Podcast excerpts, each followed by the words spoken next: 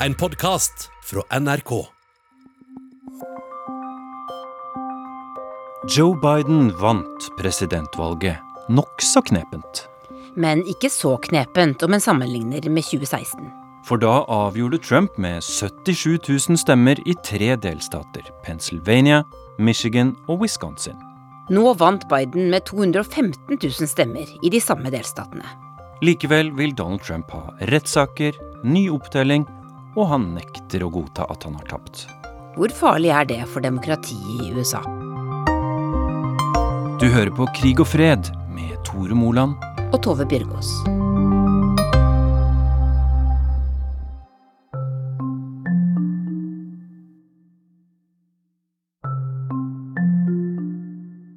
For en uke siden, Tore, så ringte du noen amerikanere morgenen etter valget. Og en av dem het Janne Myrdal og bor i Nord-Dakota. Ja, Janne er republikaner, delstatssenator i Nord-Dakota, og ble gjenvalgt med 74% av stemmene den natta. Hun er også 110% Trump-fan, og mente at han kom til å bli gjenvalgt for fire nye år så snart eh, Pennsylvania, Michigan og Wisconsin var eh, ferdig talt opp. Jeg lurer på hva hun sier nå. Da vi snakket med deg for en uke siden, så var det morgenen etter valget, og du var helt sikker på at Trump kom til å bli sittende som president. Hva, hva tenker du nå? Du, Det er vanskelig å kommentere på. Det ser jo ikke bra ut nå. Nå er en del rettssaker uh, involvert, bl.a. den um, høyesteretten i Amerika. Um, vi brukte jo ja, nesten 40 dager i år 2000 på å få uh, kampen mellom Al Gore og George Bush til å bli ferdig. Men uh, sannsynligvis så vinner vi ikke. Men uh, det som har skjedd gjennom hele USA, som ingen kommenterer så mye på i media, er litt rart. Det er at der republikanerne vant over hele USA. Uh, jeg tror nok Kina-viruset er det som har ødelagt for Trump. men ellers har vi tatt over seks-syv seter i, i, i Kongressen. Vi beholder Senatet, og vi vant over på delstatenes side så tok vi over både Montana og New Hampshire. Så det er ikke noe sånn blue wave som de snakker om her i media. Det er, eh, det er nok bare Trump som uh, er den taperen av det republikanske, hvis han taper, når alt er sagt. Så du, du er ikke klar til å gratulere Biden med seieren? Nei, altså Jeg er ikke dum nok til å se at det kanskje ikke blir sånn, men jeg tror vi må vente til vi er ferdig med rettssakene. og det jeg har sagt her til amerikansk media, er at media er ikke de som sier hvem som vinner ikke vinner. Det er folket, og det er stemmene. ikke sant? Så jeg er nøktern, så jeg er ikke, jeg er ikke sånn at jeg tror det er altfor mye muffens. Men det er klart vi, vi driver med en del muffens i, i valgsystemet her, og det må vi få retta opp uansett hvem som vinner. Ledere fra rundt omkring i verden har ringt for å gratulere Joe Biden. Men USAs utenriksminister Mike Pompeo tror Donald Trump blir sittende.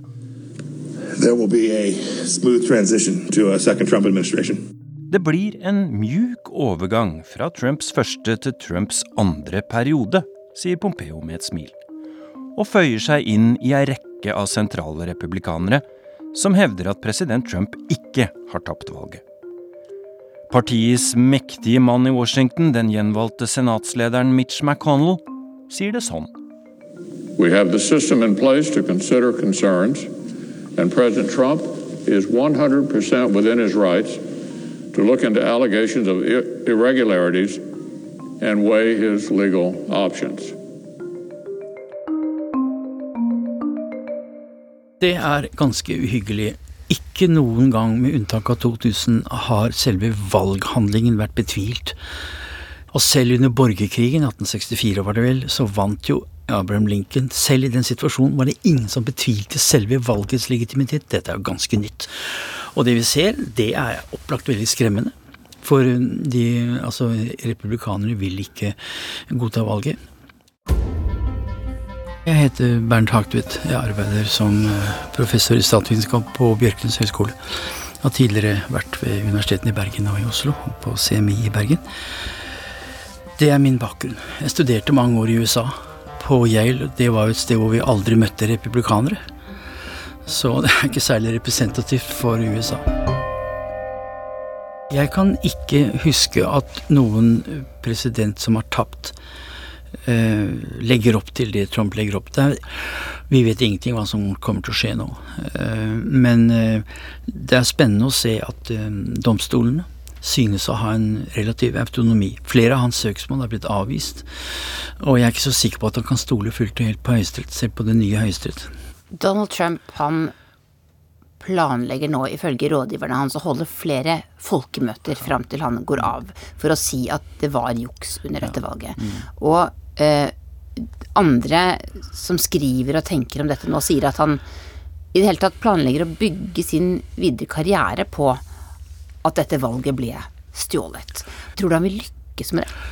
En viktig forutsetning for at han skal lykkes med det, er at han erobrer det republikanske partiet. Og der vil det springende punkt være vil de som stiller til valg fra det republikanske partiet, se seg tjent med å støtte Trump eller ikke? Hittil har jo noen ikke sett seg tjent, men vi skal ikke glemme at de økte sin, sitt antall i Representantenes hus, og at uh, Biden ikke får Senatet. Vi står overfor et politisk system som er blitt kalt The Frozen Republic. Det er ute av stand til å enes om grunnleggende reformer. F.eks. at Biden ikke vil kunne få penger til sitt store infrastrukturprogram som ville kunne hjelpe folk i russebeltstaten og andre steder. Det er jo dysfunksjon, kaller vi det. Det er helt klart et kjempeproblem. La oss gå tilbake til eh, natt til onsdag i, i, forrige uke. Vi fikk liksom litt den samme følelsen som i, i 2016. Og det ender altså opp med at 41 millioner amerikanere ønsket at Donald Trump skulle bli sittende som president i USA. Og det er jo nesten halvparten av dem som stemte. Hvordan vil du forklare det? For å kunne forklare det, så må vi sette søkelyset på den amerikanske politiske kulturen. Og der syns jeg det er riktig å starte med et bilde som den store sosiologen Erlin Hochschel hadde i boken. Uh, I boken hvor hun levde fem år med Trump-tilhengere i Louisiana. Der traff hun folk som sa Ser du denne flotte trappen oppover? Det er sosial mobilitet. Der er Der skal vi. Men hva ser du? Inn fra venstre kommer det kvinnesaksfolk, LHBT-folk, svarte, og de skyver seg inn og stopper oss. Og hva verre er, de har støtte fra den føderale staten. Altså kombinasjonen av opplevelsen av at det ikke lenger er mulig å komme seg opp og frem, økonomisk tilsidesettelse og problemer, kombinert med forakten for den føderale staten, det forklarer veldig mye av stemmegivningsmønsteret. Det som er ekstra interessant nå, det er jo at så mange av de amerikanske minoritetene stemte på Trump. Jeg så akkurat på CNN før jeg kom hit. Det var en økning til 8% av de svarte, og det samme med latinos. Og der må vi bare kvesse til våre sosiologiske begreper.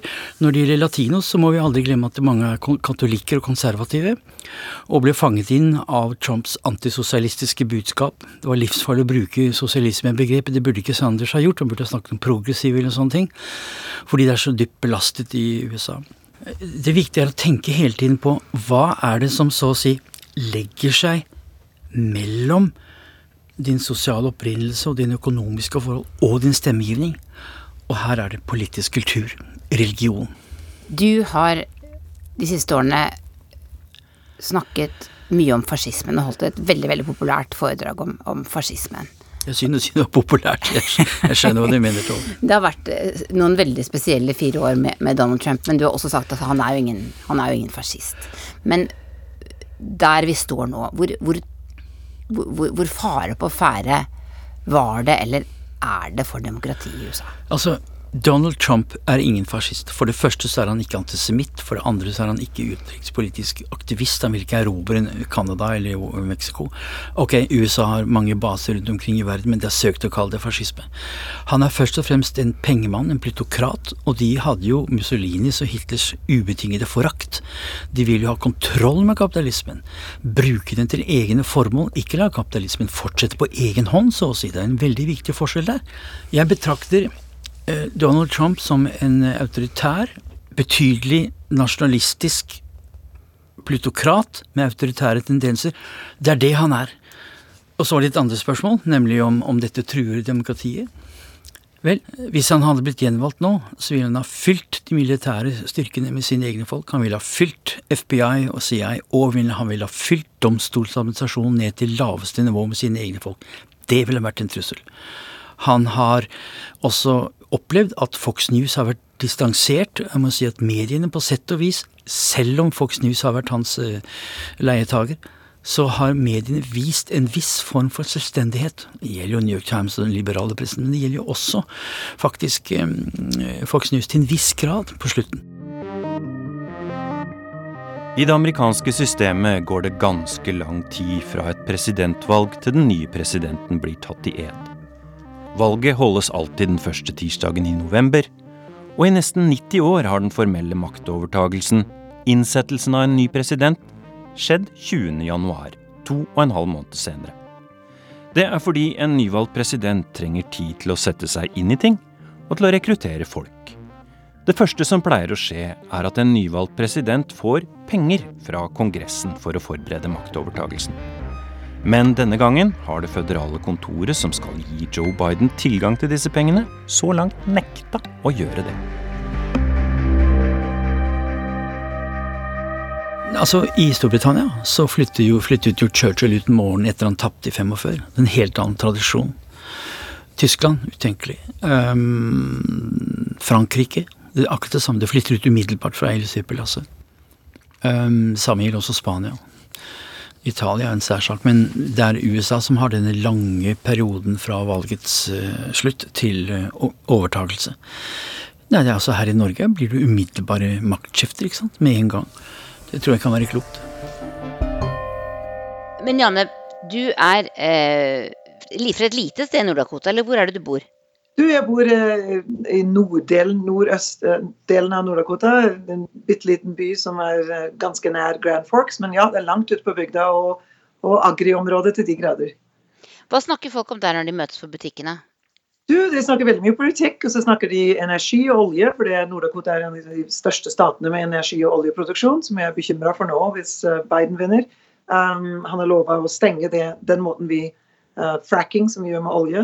Uh, de er bekymra over uh, avtaler med Kina og med Sør-Amerika angående agri. Vi er, vi er Nord-Dakotas største agriprodusent, og det er klart vi som familie er, er concerned over også, ikke sant. Så du får unnskylde, noen ganger så går norsken litt sånn i bakgrunnen her etter 38 år. Nei, det går veldig fint. Men vi som sitter her i Norge nå, vi er jo veldig urolige når vi ser hvor uenige dere er i USA. Hvor utrolig splitta folk er. Og det virker nesten som det er flere land, på en måte. Eh, er det sånn vi skal se på det? Nei, jeg tror nok media spiller litt opp på det. Altså, det er klart at Trump har vært en, en, Jeg har sagt det før, det er ikke negativ, men en artig skue som går ut og shoot from the hip ikke sant, politisk. og Det virker kanskje som han har delt eh, Amerika i to. Jeg tror de har begynt for lenge siden, 20 år siden. og Jeg tror Obama hjalp godt med på det, han òg. Men eh, nei, jeg tror ikke det folket er i Amerika akkurat som det er hjemme i Norge. Vi vil ha fred, vi vil ha gode jobber, god økonomi, helse Uh, ha barna vokse opp med gode skoler. Akkurat samme som, som, hjemme i Norge. Men jeg tror Amerika, fordi vi er en verdensleder. ikke sant? Vi er uh, den største nasjonen og sterkeste nasjonen uh, både økonomisk og, og militær. Så tror jeg nok folk følger med. Og Norge er jo en kjempegod venn til Amerika og vis-à-vis. Så jeg tror ikke du bør være bekymra for det. Og jeg tror, som vi begynte å snakke om tidligere, at selv om Biden nå mulig sannsynligvis vinner presidentskapet, så betyr ikke det at, at demokratene vant stort, republikanerne vant stort over hele landet. Så jeg tok ned noe sånt eh, mandate for han til å gå til venstre. Og de fire åra, det er bare fire år, så får vi se hva vi kan jobbe sammen med. In fact, uh, now they've counted up that we've had 102% um, count, uh, turnout here. You want to explain that? Jeg har også møtt folk som sier de selv har opplevd valgjuks. Og den ene er en 77 år gammel dame som heter Demaris. Hun er gårdbruker og har doktorgrad i psykologi og er høyt utdannet og veldig dannet dame. Hun var med som valgmedarbeider, og hun hevder at hun så selv at valgdeltakelsen i hennes fylke ble talt til å være 102 ja, jeg heter Gro Holm, og jeg er eh, journalist i NRKs utenriksredaksjon. Akkurat nå så er jeg i USA, hvor jeg har eh, fulgt eh, valget i en måneds tid. Og det er 102 110, ja. Det går jo ikke an. sånn at eh, jeg ble jo litt usikker på det der. Og jeg sjekket da med en lokal eh, journalist her som jobber i en partipolitisk uavhengig avis.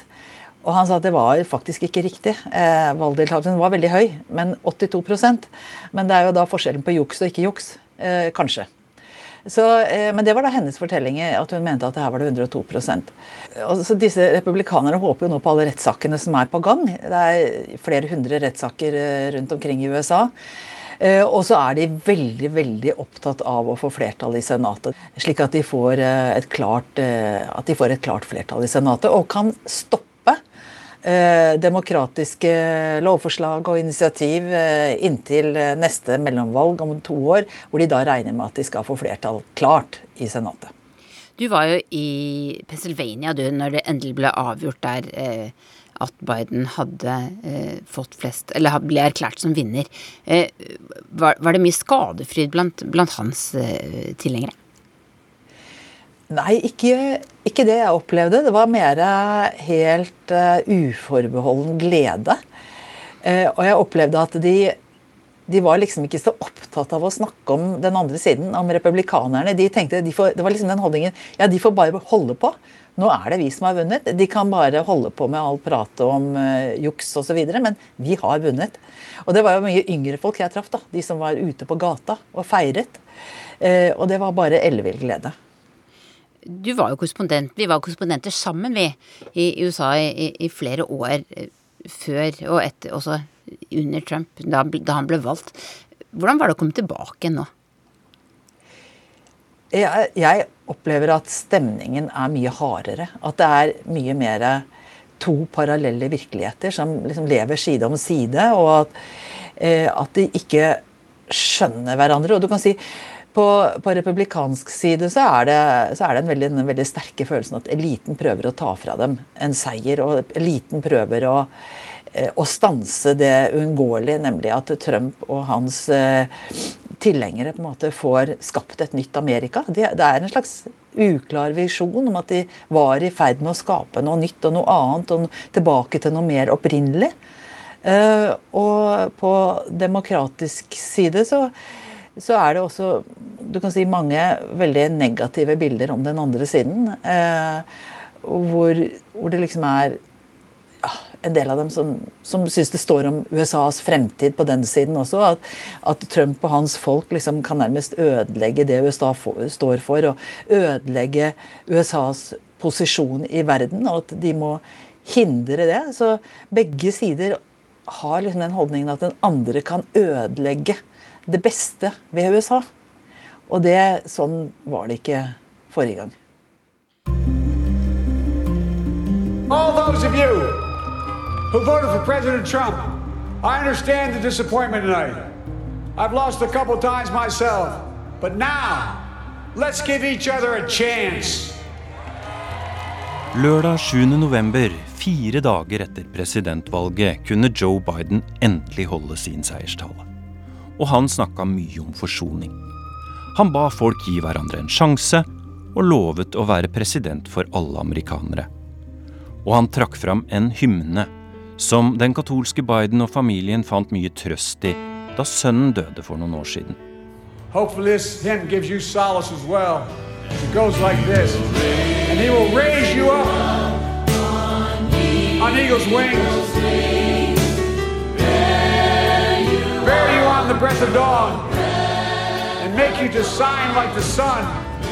Kanskje var hymnen en utstrakt hånd til Trumps kristne velgere, i håp om å vinne også deres støtte?